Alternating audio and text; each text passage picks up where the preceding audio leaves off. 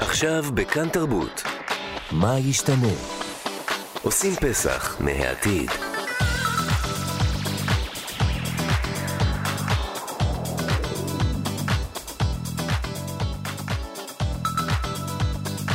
שלום.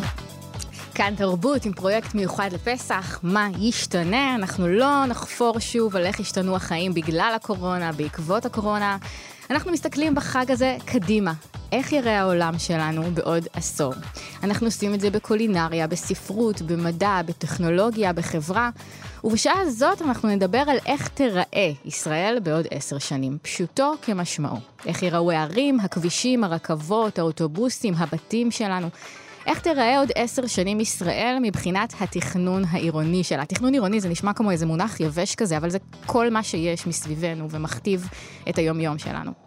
לי קוראים צליל אברהם, המפיקה עירה וקסלר, על הביצוע הטכני יוג'י גבאי. כל הפרויקט הזה, כל הפרקים שלו כבר זמין לכן ולכם באתר כאן תרבות ובפייסבוק שלנו, ואנחנו מתחילים. אז בניגוד לחלק מהתחומים שהזכרתי קודם, אוכל, אומנות וטכנולוגיה, כשמדברים על תכנון, לא צריך לנחש איך דברים ייראו עוד עשר שנים. בתכנון, טווח של עשר שנים זה כמעט כלום, ואפשר לדעת איך תראה ישראל. כל מה שצריך זה פשוט לפתוח את המפות, את התוכניות, או לדבר עם מישהו שיודע איך לקרוא את הדברים האלה, וזה מה שנעשה בשעה הקרובה. בקצרה, זה הולך להיראות רע לפני שזה ייראה טוב. אז כדי להבין איך תראה ישראל בעוד עשור, צריך קודם כל לדעת כמה אנשים נהיה כאן, ובשביל זה ביקשנו לדבר עם פרופסור אלון טל מאוניברסיטת תל אביב, סגן יושב ראש קק"ל. שלום, פרופסור טל. שלום לכם ולכל המאזינים. יש לך מספר בשבילנו? כמה אנשים נהיה כאן ב-2031? בוודאי. אנחנו היום במדינת ישראל 9.3 מיליון תושבים. צריכים להבין שב-1949, כשמדינה יצאה לדרך, היינו בערך 600, הגענו למיליון מהר. וכל עשור גדלנו במיליון עד בעצם ל-20 שנים האחרונות שגדלנו 1.5 מיליון. אבל בעשור הקרוב נגדל עוד יותר, 1.8 מיליון אנשים נוספים הצטרפו אלינו, ולכן לפי החישובים שלי, ופה זה חישוב מאוד מאוד שמרני, 11 נקודה אחד מיליון אנשים, בני אדם, יהיו בישראל בשנת 2031. תשמע, אנחנו תחנת תרבות. בתרבות, ככל שיהיה לנו יותר קהל של אנשים שקוראים וצורכים תרבות בעברית, זה מצוין. אין לנו מספיק, זאת אחת הבעיות של התרבות פה. מה בעצם הבעיה בדבר הזה? הבעיה היא שכמעט ואין מדינה בעולם, לפחות מדינה מערבית, שגדלה בקצב הזה של 2% לשנה. אחד הדברים האלה, אנשי תרבות שאני חושב שיהיה חסר זה שטחים פתוחים. Hmm. הרי uh, במשך התקופה מאוד ארוכה, כדי לספק דיור לציבור רחב, היינו מאבדים עשרה קילומטר מרובע לשנה. Mm-hmm. אבל בשנים האחרונות ההיקף האובדני עלה, ולכן אנחנו בשנים האחרונות בעצם מוחקים 21 קילומטר מרובע מדי שנה, וזה אומר שאם לא נגדל, ואנחנו, אני תכף אני אסביר למה אנחנו נגדל, אבל שטח אה, שהיום הוא פתוח, בתי גידול, אה, חקלאות, 210 קילומטר ילך לאיבוד. זה בערך 50 אה, אחוז יותר מגודל של הכנרת. אז יותר אנשים... 50 אחוז מהגודל של הכנרת כל שנה? לא, לא, לא, בעשור הבא, עד, okay. עד 2031. Okay. עכשיו, בואו, בוא, שנבין את התופעה הזאת. לספק 60 אלף יחידות דיור, וזה אפשר בקשר אה, לתכנון, אפשר לצופף בערים, וצריך לעשות את זה. אבל זה מסובך וזה קשה, ולכן המציאות, לפחות המציאות האמפרית אומרת שמוסדות התכנון יאפשרו את הזחילה האורבנית. ולכן אנחנו רואים למשל בישראל אה, משבר אקולוגי חמור, שמרבית ה... מינים, אה, מיני היונקים בישראל הם אה, בסכנת הכחדה. אפילו הצבי הארץ ישראלי, המין דגל שלנו, הולך לאיבוד. הארגון העולמי לשמירת הטבע הכריז עליו כמין על סף הכחדה. בגלל הגידול באוכלוסייה שלנו הוא בסכנת הכחדה?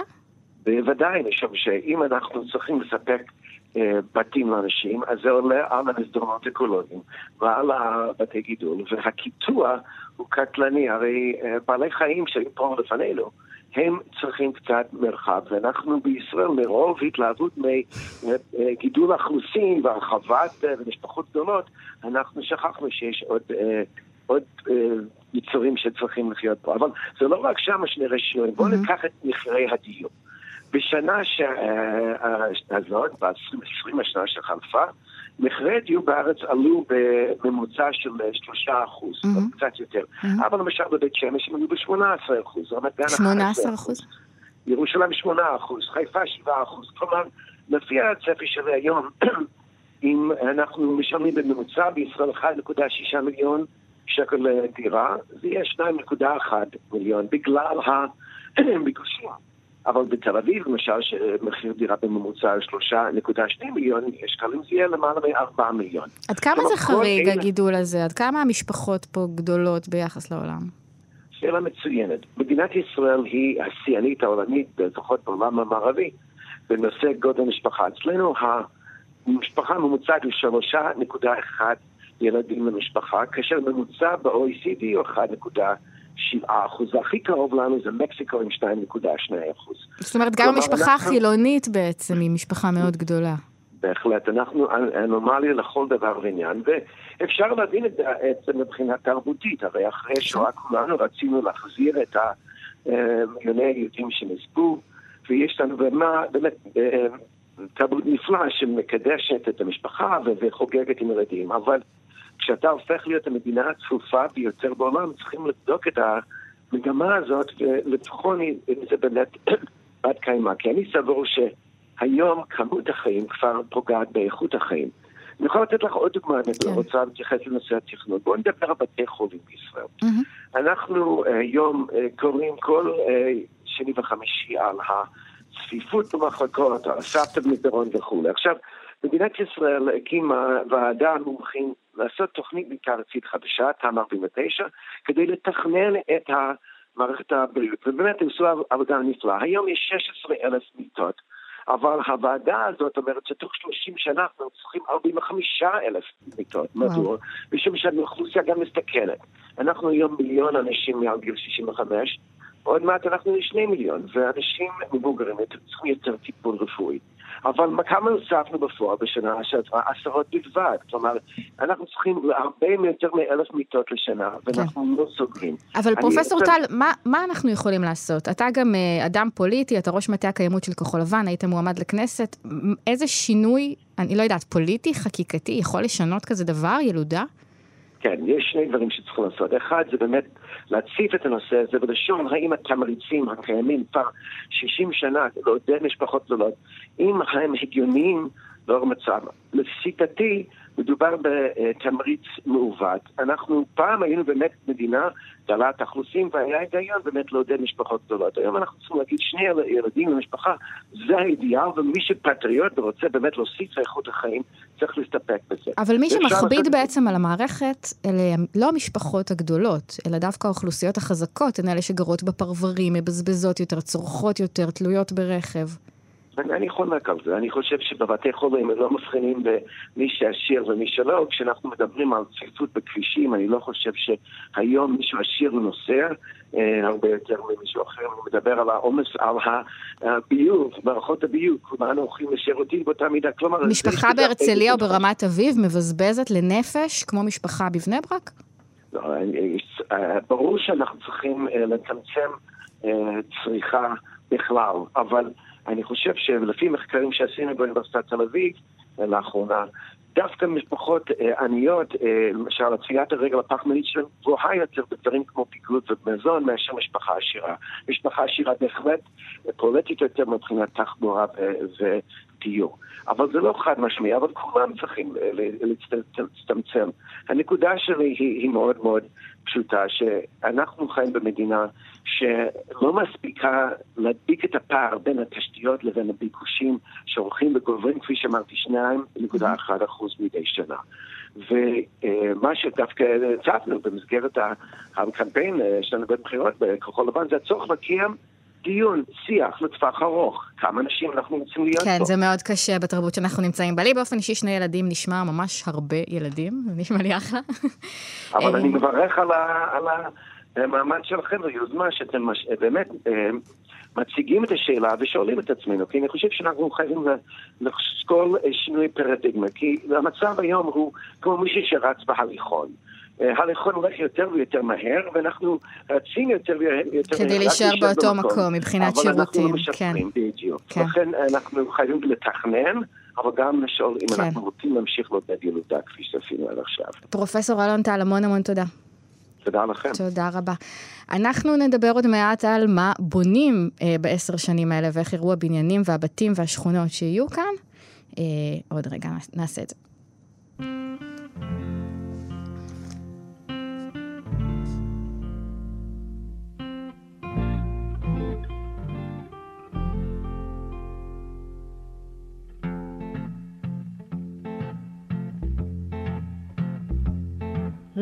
Boxes on the hillside, little boxes made of ticky tacky, little boxes on the hillside, little boxes all the same. There's a pink one and a green one, and a blue one and a yellow one, and they're all made out of ticky tacky, and they all look just the same. And the people in the houses all went to the university where they were put in boxes and they came out all the same. And there's doctors and lawyers and business executives and they're all made out of ticky tacky and they all look just the same. And they all play on the golf course and drink their martinis dry, and they all have pretty children, and the children go to school, and the children go to summer camp, and then to the university where they are put in boxes. And they come out all the same. And the boys go into business and marry and raise a family in boxes made of ticky tacky and they all look just the same. There's a pink one and a green one and a blue one and a yellow one and they're all made out of ticky tacky and they all look just the same.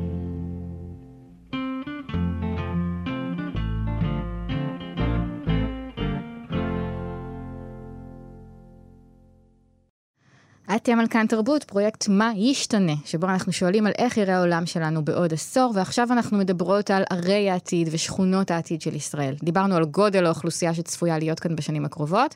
עכשיו נדבר על איך בפועל הולכות להיראות הערים שלנו, הבתים שלנו, איפה אנחנו הולכים, הולכים לגור, ומה המשמעות של העובדה שהערים האלה הופכות להעתקים אחד של, הש... של השנייה.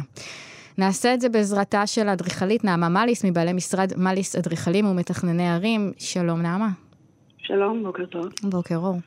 אז אם אנחנו מסתכלות עשור קדימה, מה אנחנו נראה סביבנו? איזה שכונות, איזה ערים יהיו פה? אמ, הדבר הכי משמעותי זה הציפוף, שכבר אה, היום mm-hmm. הצפיפות בישראל היא דומה כבר לצפיפות של הודו, mm-hmm. ואנחנו נעבור, הצפיפות היום היא בערך 410 נפש לקילומטר. Mm-hmm. אם אנחנו מסתכלים, וזה על כל המדינה, אם אנחנו מסתכלים ללא הנגב, כבר יש לנו 1,022 נפש לקילומטר, שזה בערך פי שניים מהולנד, mm-hmm. ונגיע ל-1,480 בערך, בערך, שזה אומר שאנחנו כבר מתקרבים לצפיפויות של ערי מדינה, ולא של מדינות. מה, כמו הונג קונג, סינגפור? הונג קונג וסינגפור, בהונג קונג יש 7,000 נפש לקילומטר, עוד יש לנו דרך להגיע לשם, אבל אנחנו עוזבים את ה...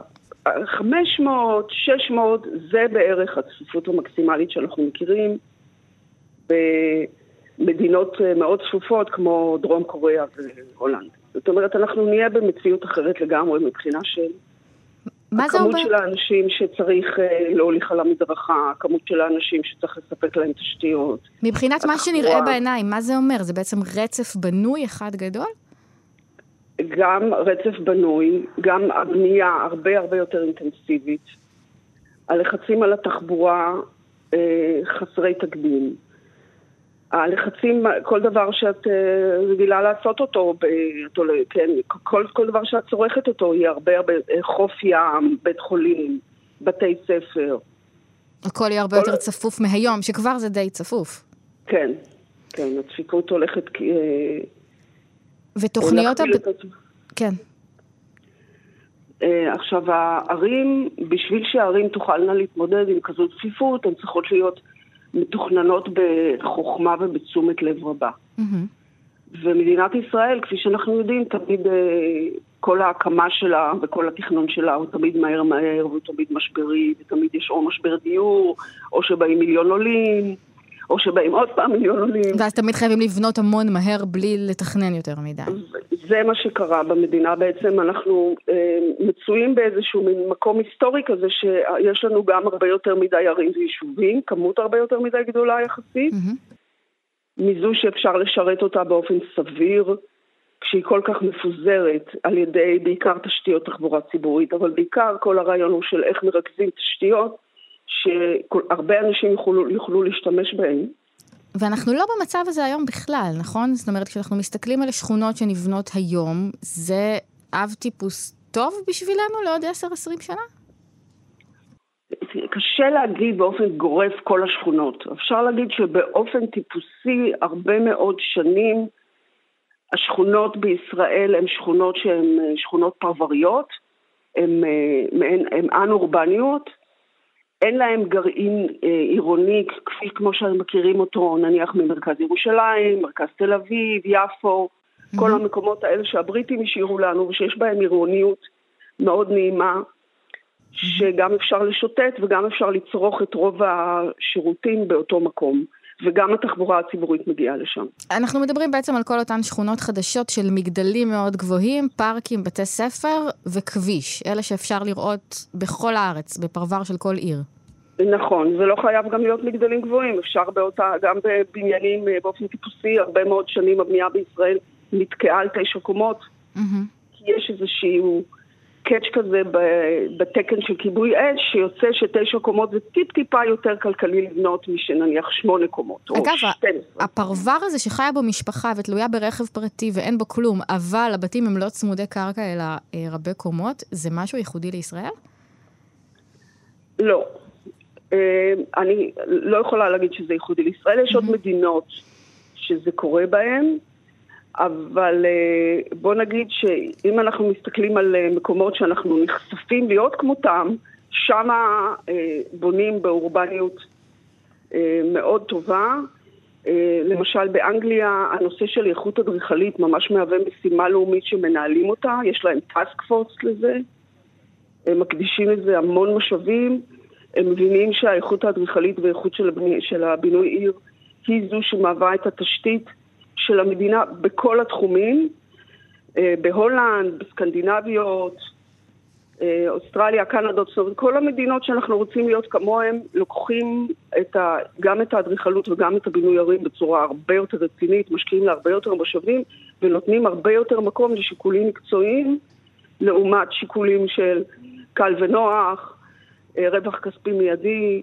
אבל בעצם הביקוש לשכונות האלה גדול. מה, מה הבעיה איתן? אולי אנשים אוהבים לחיות ככה אם הם בוחרים באורח חיים הזה. תראי, הביקוש הוא גדול, זה מה שיש. במדינת ישראל להגיע לדירה זה, זה גם עניין תרבותי, שאנשים מאוד רוצים שתהיה להם דירה בבעלות, וגם עניין של אה, חוסר בשוק דיור לשכירות שהוא שוק יציב ואיכותי. אה, אנשים כאן מאוד משפחתיים, יש להם אורח חיים אה, הרבה מאוד סביב הילדים הרבה שנים. וגם אין להם כל כך הרבה ברירות. אני חושבת שאם תשאלי אנשים אם היו רוצים לגור במרכז תל אביב, רוב האנשים, חלק מאוד גדול, היו אומרים לך כן, רק שזה עולה בערך פי שתיים למה שהם יכולים לשלם. מה את שומעת מהם על אורח החיים הזה? אני עשיתי אין ספור שיתופי ציבור, גם בתכנון אה, מתארי, זאת אומרת עיר שלמה של מתכננים, וגם בתכנון שכונתי, והדברים מאוד חוזרים על עצמם. קשה להם מאוד להיכנס ולצאת. המקום שהם גרים בו, חסר בו שירותים, זאת אומרת, אתה צריך לצאת לעבודה, ואז להתארגן ולצאת עוד פעם. הרבה שעות uh, להסיע ילדים, אה, הרבה חסר, חסר ההרגשה של מרכז עיר, שיש לאן ללכת, שיש איפה לשוטט. להסיע את הילדים זה נהיה חלק משמעותי מאורח החיים של מעמד הביניים. אה, אורך משמעותי של כל החיים של כל מי שרוצה שהילדים, שהילדים שלו יהיו בחוגים אחר צהריים, כי mm-hmm. הרקמות בנויות בצורה כזאת שהמרחקים בין הדברים כל כך גדולים, שבלא, וגם כל כך מסוכן ללכת ולא נעים ללכת ברחוב, mm-hmm. שאנשים מסיעים את הילדים שלהם. בעיקר אם, אנשים. אז אם נסתכל. על עוד, אנחנו בעיקר אנשים, כן, ואז כן. הן כבולות לסביבה הקרובה בעצם, הן צריכות להגיע בזמן. נכון. אה, במודיעין עשיתי שיתוף ציבור, אמרו לי אנשים שאוטובוס בין השכונות בשביל לקחת חוג בשכונה אחרת, mm-hmm. לוקח להם ש... שעה ועשר דקות. וואו, בין השכונות באותה עיר. כן, אה, בגדרה, בכל המקומות האלה, שהצפיפות שלהם היא פשוט לא מספיקה בשביל לתת שירותים אה, קרובים לבית. והשירותים הם, אה, הם עובדים כמו מגנט, זאת אומרת, mm-hmm. אתה צריך כך וכך אה, כיתות לכך וכך אנשים, אתה, חנות מכולת זה לכך וכך אנשים, מרפאה זה לכך וכך אנשים. אתה צריך שיהיה לך ריכוז של אנשים בשביל לתת להם את השירותים. אם הכל נורא מפוזר, אז צריך לנסוע לכל מקום. צריך לנסוע לקניון כל יום, כן. כן, צריך לנסוע. גם המנהג הנוראי הזה של להפריד כל דבר, המגורים זה בנפרד, חינוך זה בקריית חינוך ענקית מחוץ לעיר, זה כבר לא מפוזר בבתי ספר קטנים. המסחר זה בקניון, העבודה זה במקום אחר. כן. ובמקום שתצרוך את הכל, כמו בעיר אה, היסטורית, באותו רדיוס, אתה כל הזמן צריך לרוץ בין הנושאים השונים של החיים שלך. ולא הולך ברגל אף פעם. ולא הולך ברגל אף פעם. ללכת ברגל זה לא רק איך הדברים מפוזרים במרחב, שזה מה שדיברנו עכשיו שהוא בעייתי. ובכל זאת, גם... אם אנחנו מסתכלות קדימה, זה המודל שישראל דבקה בו, ועוד עשר שנים יהיה לנו עוד הרבה כאלה. למה? לא מדויק. Okay. אוקיי. ישראל בשנים האחרונות, לפחות, לפחות מינהל התכנון, mm-hmm. יש די הרבה אנשים בדי הרבה מקומות שהבינו כבר שזה לא עסק. Mm-hmm. שחייבים לעשות איזשהו רוורס בזה. אבל uh, זה מאוד מאוד קשה, כי יש לך uh, המון סביבה בנויה מצד אחד, ולחץ מאוד גדול לבנות שכונות חדשות מצד השני. אנחנו, איפה הכי כן. קל לבנות את השכונות החדשות? מסביב לעיר. ברגע שזה מסביב לעיר, את מתרחקת מהגרעין העירוני, ששם יש איזשהו סיכוי שתקבלי את השירותים האלה. אני דיברתי על זה בעבר עם, דיברתי על זה בעבר עם בכירים במשרד השיכון, אמרו לי פשוט מאוד, אנחנו היינו צריכים לבנות מהר כדי לבלום את העלייה במחירי הדיור, זה מה שהיה אפשר לבנות מהר. תראי, אמ, אני לא, אני, אני בטוחה שזה מה שהם מרגישים. בפועל תהליכי התכנון בישראל, האורך שלהם הוא חסר תקדים. כאילו, הוא לוקח המון זמן פה לאשר כל תוכנית, ואולי mm-hmm. בוותמ"ל באמת זה יותר מהר, אבל אה, דווקא לוותמ"ל יש כוח מאוד מאוד גדול שבהחלט אפשר לנצל אותו. אה, לעשות גם אה, שכונות הרבה יותר אורבניות. זאת אומרת, אפשר הבעיה... לתכנן טוב אם רוצים. זה הרבה יותר מורכב, כי את צריכה להתעסק בהרבה דברים שהם כבר קיימים, mm-hmm. ואת צריכה לשנות אותם. אני אתן לך דוגמה. Okay. כן. אנחנו מוסיפים, אה, עושים בהתחדשות עירונית תוספת אה, יחידות דיור בעיר קיימת, שזה מעולה לכולם, נכון?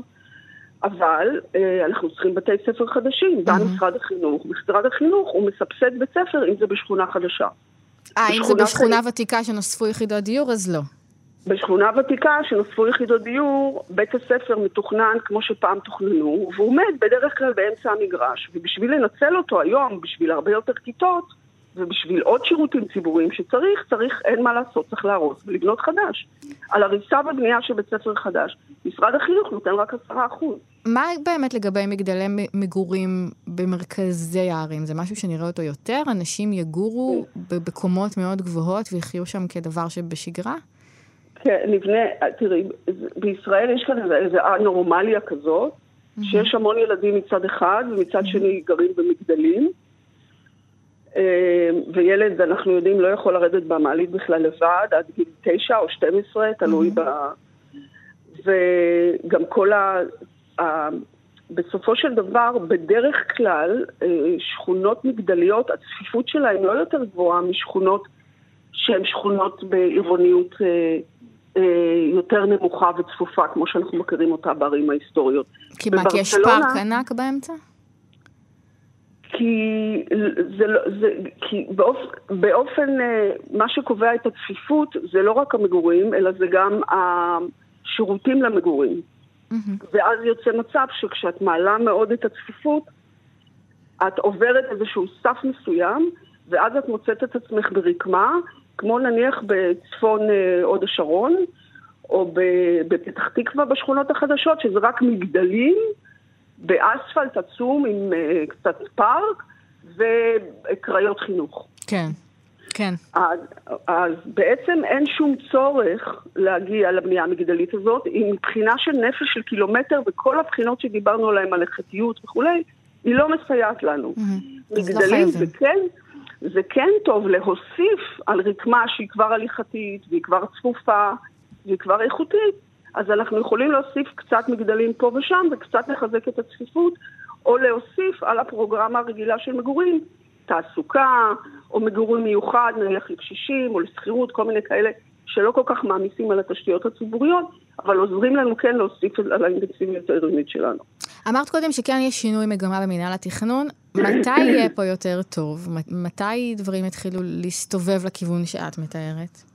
אני חוששת שהיחס התרבותי במדינה לערכים של תכנון ולאיכויות הוא מאוד בעייתי. עד שהרבה מאוד אנשים יבינו שאיכות אה, תכנונית זה הבסיס לאיכות בכל התחומים, כי בסופו של דבר התשתית הפיזית היא התשתית של כל דבר שאנחנו משתמשים בו, בכל מקצוע ומקצוע. אני לא רואה את זה משתנה. זה איך מפזרים תעסוקה ואיפה מפזרים תעסוקה, שהיום כל התעסוקה כמעט בארץ מפוזרת בגלל העניין הזה של צו הארנונה, שבעצם מביא לכך שערים רוצות לפתח אזורי תעסוקה בכל עיר ועיר. Mm-hmm. במקום שהתעסוקה תהיה מפוזרת בתוך אזורי המגורים, התעסוקה מנסה להתמקם באזורי תעסוקה האלה שלא מתאימים לה, ובסופו של דבר אנחנו רואים שכמות התעסוקה שממומשת היא רק עומדת על כ-40 אחוז. זאת אומרת, עיר שבנתה, שקיוותה לקבל אזור תעסוקה שיסבסד לה את השירותים הרגילים לאזרח, לא מקבלת אותם, כי רק 40 לא קורה. כן. זה בסוף לא קורה. לתעסוקה עצמה זה לא מתאים. תראי אה, אה, גופים כמו מוטורולה ו-IBM, שהיו מחוץ לעיר, מוטורולה עזבה לפני משהו כמו 15 שנה, 12 שנה, את תל אביב, יצאה לאיירפורט סיטי, חזרה עכשיו לטוהה. כן. IBM יצאה, חזרה גם כן למטרופולין. כן, אז לסיכום, אם אנחנו מסתכלות עשר שנים קדימה, את אומרת יהיה יותר רע לפני שיהיה יותר טוב. זה, אני, אין לי כדור בדולח, אני כן יודעת להגיד לך שהסוויץ' הזה, אני רואה אותו אצל חלק מהתעשייה, אבל לא אצל כולם. נסיים בזה. נעמה מליס, מבעלי משרד מליס לאדריכלים ומתכנני ערים, תודה רבה לך. בבקשה, ביי.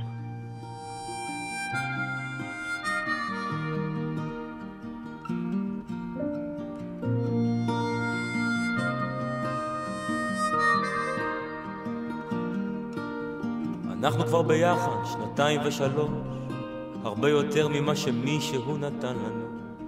גם היא גם אני לא באמת האמנו. זה התחיל כמו עוד סיפור, אבל היה שם משהו שעבר, רגש שחשבתי שאיבדתי, ועל מה שלא עבר, אנחנו עבדנו. אבל עכשיו הכביש פתוח, אה, לנתניה מבני דן. והשיער שלך שמתבדר ברוח מחזיר לי שיר יפה של ניל ים. יש משהו מטריד בנוחות הזאת, מדליק לי חשק ישן לפתוח דף חדש. הייתי צריך לדבר על זה קודם, אבל עכשיו כבר מאוחר, כבר אי אפשר, ואנחנו כבר בדרך לאיקאה.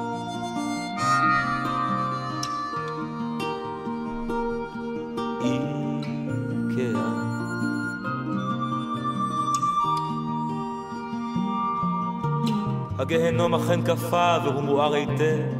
עולם של כסף ופסטל, עולם בלי מקח, בלי כאב והכל באיזון פנטסטי. אנחנו יחד עם הזרם, אבל נגד התנועה, וזה שקרי כמו מראה, אכזרי כמו מראה. תראי, baby, כל כך הרבה אנחנו. מה שאמרת לי לפני יומיים, אני לא יכול לשכוח את זה. זה נעלם ושוב זה שם ממתין לי כמו בור בתוך החזה. אני לא רוצה למות מול הששית מוכספת. יש לנו שולחן אוכל, למה עוד אחד? אני לא רוצה זיכרונות בסלסילות מקש במחירים נוחים אני רוצה לצאת, רוצה אותך, אני לא רוצה ללכת לאיקאה. אני מאוד אוהבת את איקאה. אה, אתם על כאן תרבות, אני צליל אברהם, ואנחנו בתוכנית מיוחדת לפסח, שמבררת מה ישתנה בישראל בתכנון העירוני שלנו, באיך יראו הערים שלנו, וחלק משמעותי מהחיים שלנו קשור לתחבורה, לאיך מגיעים ממקום למקום. והחלק הזה הולך ונהיה יותר ויותר כבד ביום-יום שלנו. מצד אחד הפקקים רק הולכים והופכים יותר ויותר קשים. מצד שני אנחנו רואים שבונים מסביבנו כל הזמן עוד... אה, מטרוניות וקווים ורכבת קלה ודברים כאלה שמבטיחים לנו שתכף הם יגיעו והכל יהיה יותר טוב. אז מתי יגיע השינוי? האם הוא יגיע בזמן? האם זה יהיה מאוחר מדי? האם אה, יום אחד לא נעמוד בפקקים בדרך לעבודה? שלום לשמרית נוטמן, מנכ"לית ארגון 15 דקות. בוקר טוב, צלין. אם אנחנו עכשיו קמות בבוקר, עשר שנים מהיום, מה יש לנו שאין עכשיו? אה, האמת שיש לי הרבה בשורות טובות בתחום הזה.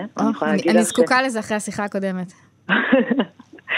אז האמת שמדינת ישראל מתכננת לא מעט פרויקטים תשתיתיים מאוד מאוד גדולים, אה, שחלקם הסתיימו עד 2030, אז אה, אני אעבור עליהם ככה במהירות, תעצרי כן. אותי תוך כדי. כשאנחנו מדברים על רכבת ישראל לדוגמה, רכבת mm-hmm. הכבדה מה שנקרא, mm-hmm. אז ב-2030, עוד אפילו קצת לפני צריך להגיד, מסילת החוף מחיפה עד נתב"ג, היא תוכפל משתי מסילות לארבע מסילות. המשמעות mm-hmm. כמובן עבורנו הנוסעים זה שהתדירות של הרכבות הזה אה, פשוט תוכפל, כן? אה, מתל אביב לדוגמה, יצאו 24 רכבות לכל הכיוונים, היום יש 14. 24 ואני... בכמה נכון? זמן? כל כמה זמן תהיה רכבת, נניח? ממש כל כמה דקות תהיה רכבת. מה את אומרת? אמריקה. זה לגמרי יותר טוב נכון, מאמריקה. כן, כן. אני חושבת שכנוסעת, את יודעת, את תמיד אה, אומרת לעצמי, oh my god, אני הולכת לעוד שנייה מפספס את הרכבת. כן? זהו, הלך היום אם אני מפספסת את הרכבת, מה זאת אומרת? בדיוק, בדיוק, ואני עכשיו אאחר לפגישה שלי וכולי. כן. פשוט לא תהיה השאלה הזאת, את תגיעי לרכבת, כל איזה כמה דקות תצא רכבת לאן שאת צריכה להגיע, ליד שלך, אה, ליגה, מה שנקרא.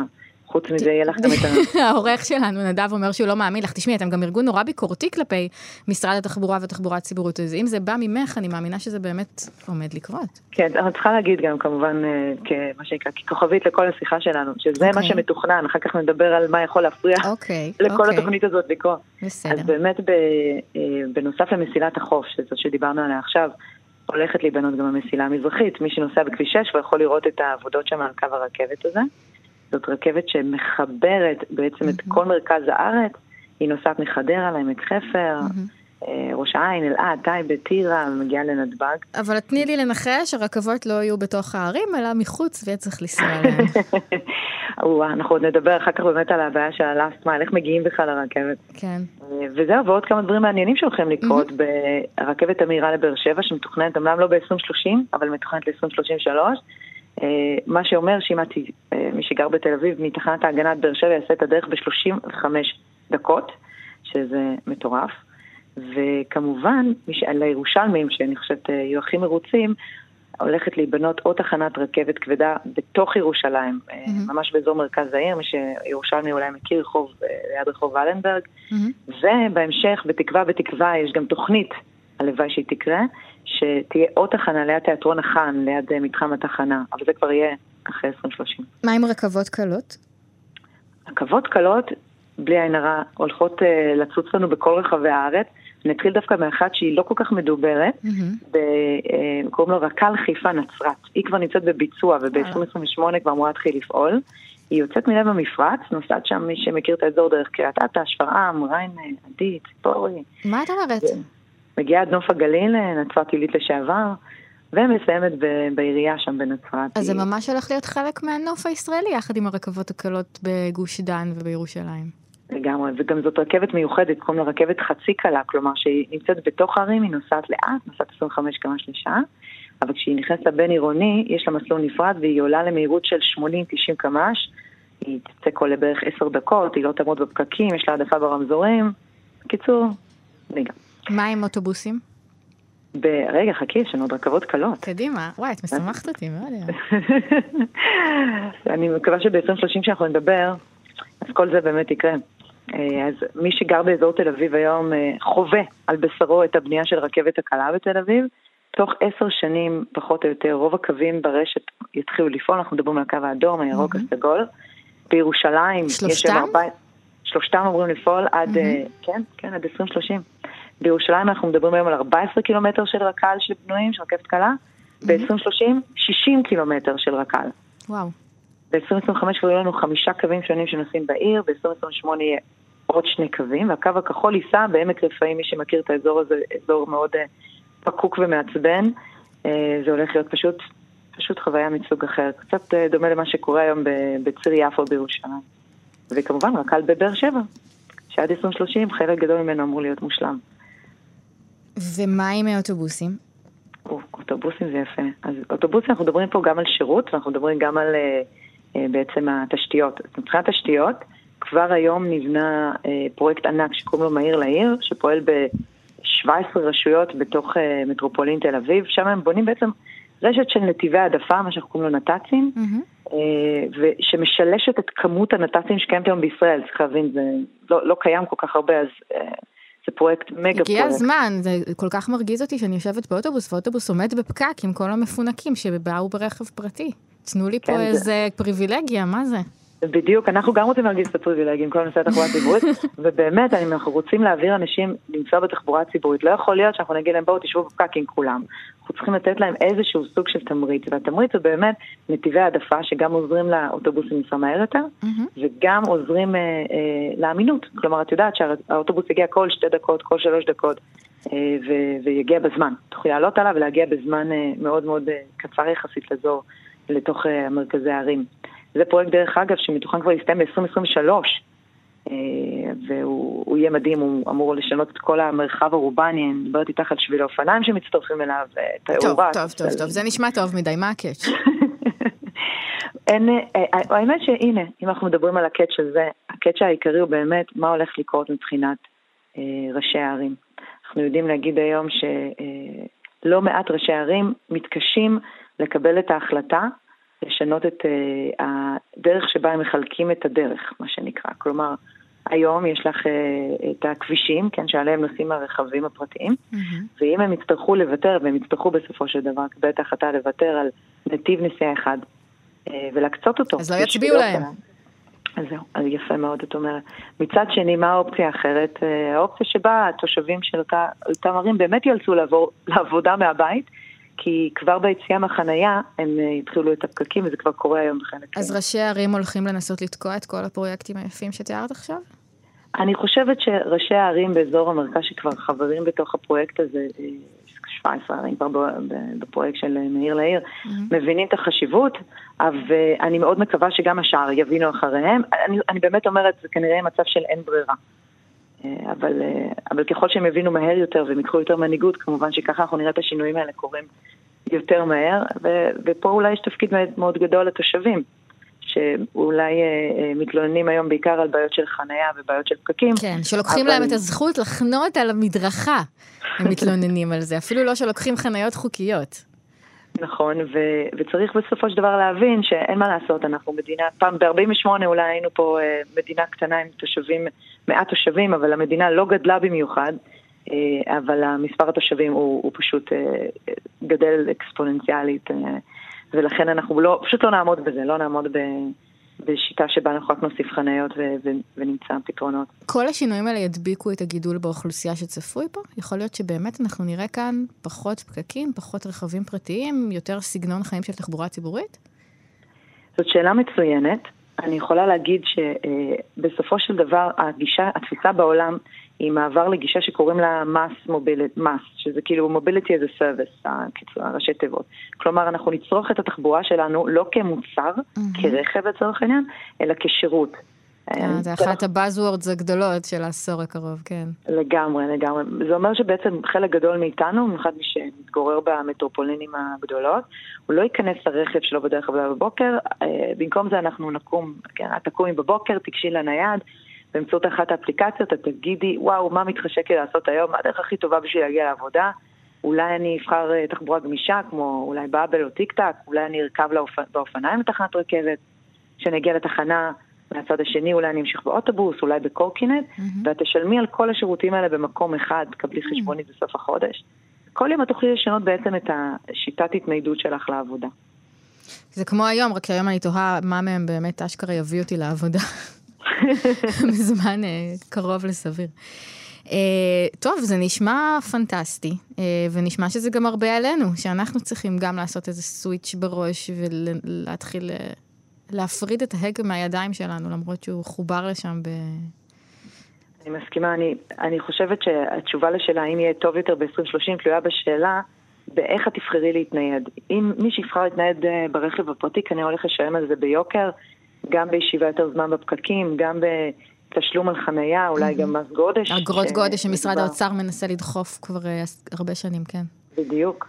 ולעומת זאת, רוב התושבי המטרופולינים הגדולים, הגדולות, מה שהולך uh, לקרות להם זה שיהיה להם פשוט יותר חלופות, יותר אפשרויות קלות ונוחות להתנייד ב, בלי הרכב, מה שנקרא, וקצת יותר מה שאנחנו מכירים מאירופה. טוב, אז uh, אני חייבת לומר שאחרי מה ששמענו היום על את כל הצפיפות שתהיה כאן, השיחה איתך uh, עושה אותי קצת יותר אופטימית.